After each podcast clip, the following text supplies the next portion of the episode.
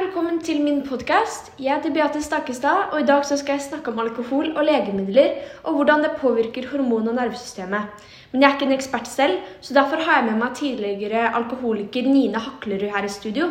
Hei, velkommen. Uh, hei, takk for at jeg kunne komme. Ja, som sagt er jeg tidligere alkoholmisbruker og var det i seks år. Men jobber nå med de som sliter med det samme. Ja, det er jo mange som sliter med dette problemet. Så det er viktig å hjelpe de som trenger hjelp, eh, syns jeg. Men ja, noen spørsmål om deg. Hvor lenge siden var det du ble ren for alkohol? Eh, jeg er jo tidligere alkoholiker og slet med å slutte. Så jeg er nå 45 år og har ikke drukket på ti år. Ja, Det er jo veldig bra, da.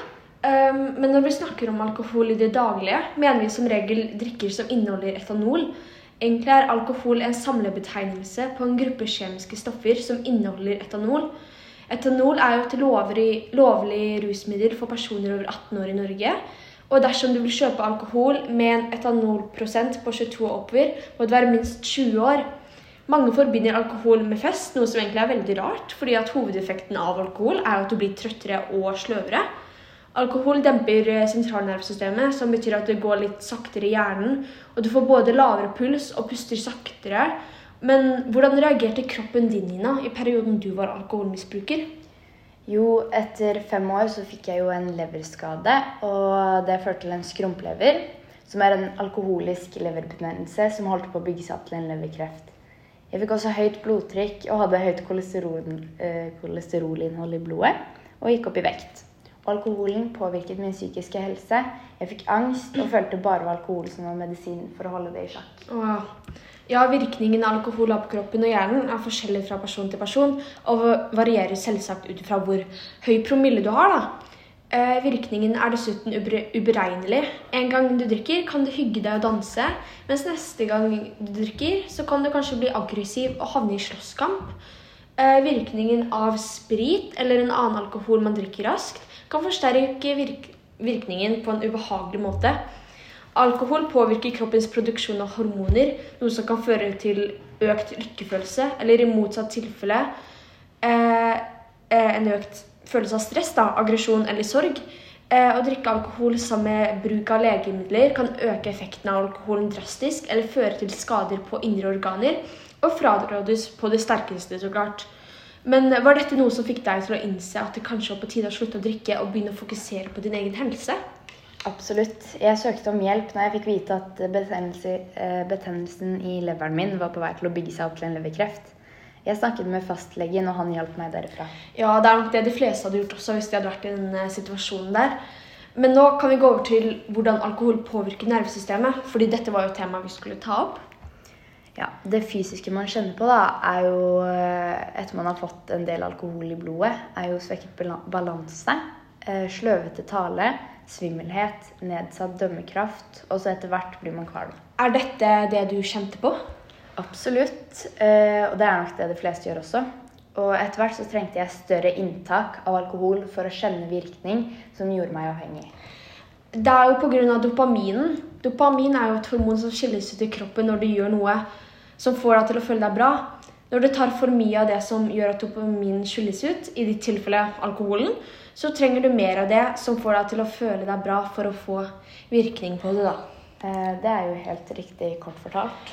Ja, men nå er dessverre tiden vår ute, og vi må ta farvel. Takk for at du kom til studio, studio for å snakke med meg om dette her. Og takk for at du delte din historie. Jo, tusen takk for at jeg fikk være med, Beate. Ha det bra. Ha det. Ok, Nå skal vi si velkommen til en ny gjest som skal snakke litt om legemidler. Si velkommen til 56 år gamle Ingvild Søre. Eh, ja, takk for at jeg ble invitert. Eh, vi skal jo da snakke om legemidler. Det er korrekt. Kan ikke du starte å forklare hva som er generelt for legemidler, og hva det er? Jo, legemidler omfatter jo generelt produkter til mennesker eller dyr som skal brukes til å forebygge eller behandle sykdom. Og Noen eksempler på legemidler er jo prevensjonsmidler og smertestillende. Det stemmer, og legemidler kan jo tas på forskjellige måter. Stikkpiller, kapsler og tabletter, sprøyter og plaster. Noen legemidler må du ha resept på, eh, mens andre kan du kjøpe reseptfri på apotek.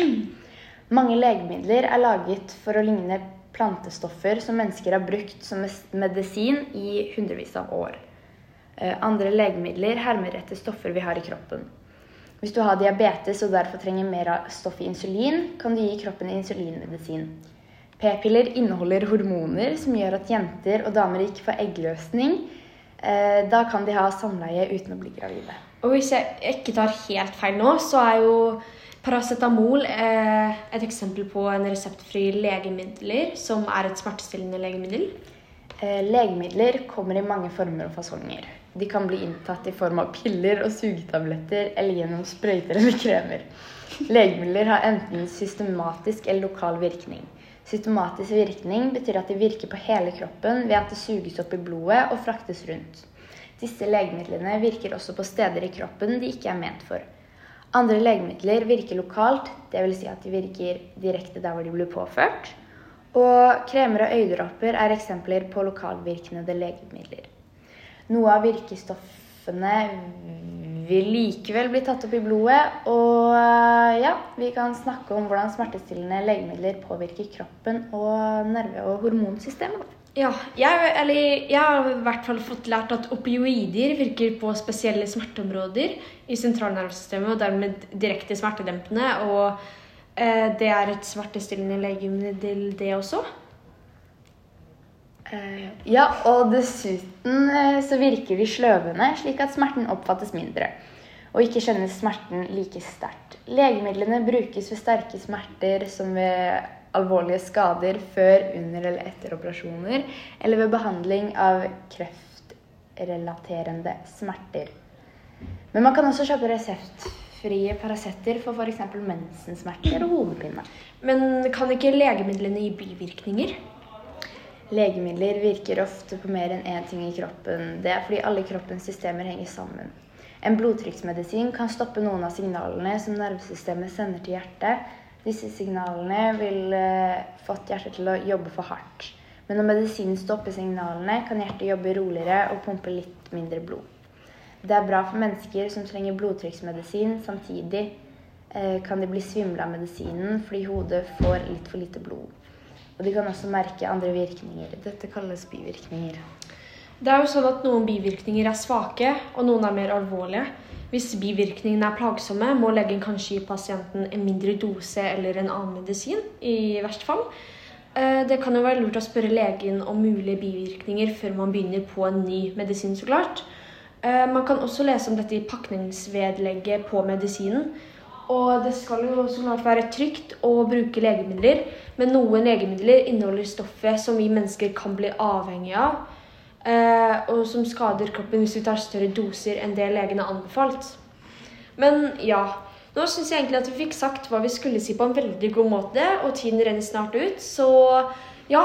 Tusen takk for at du kunne snakke med meg om dette her i studio og hjelpe meg med å forklare ting jeg i hvert fall ikke visste. Eh, ja, tusen takk for at jeg fikk komme, Beate. Håper vi ses en annen dag. Ja, ha det. Ses til neste gang.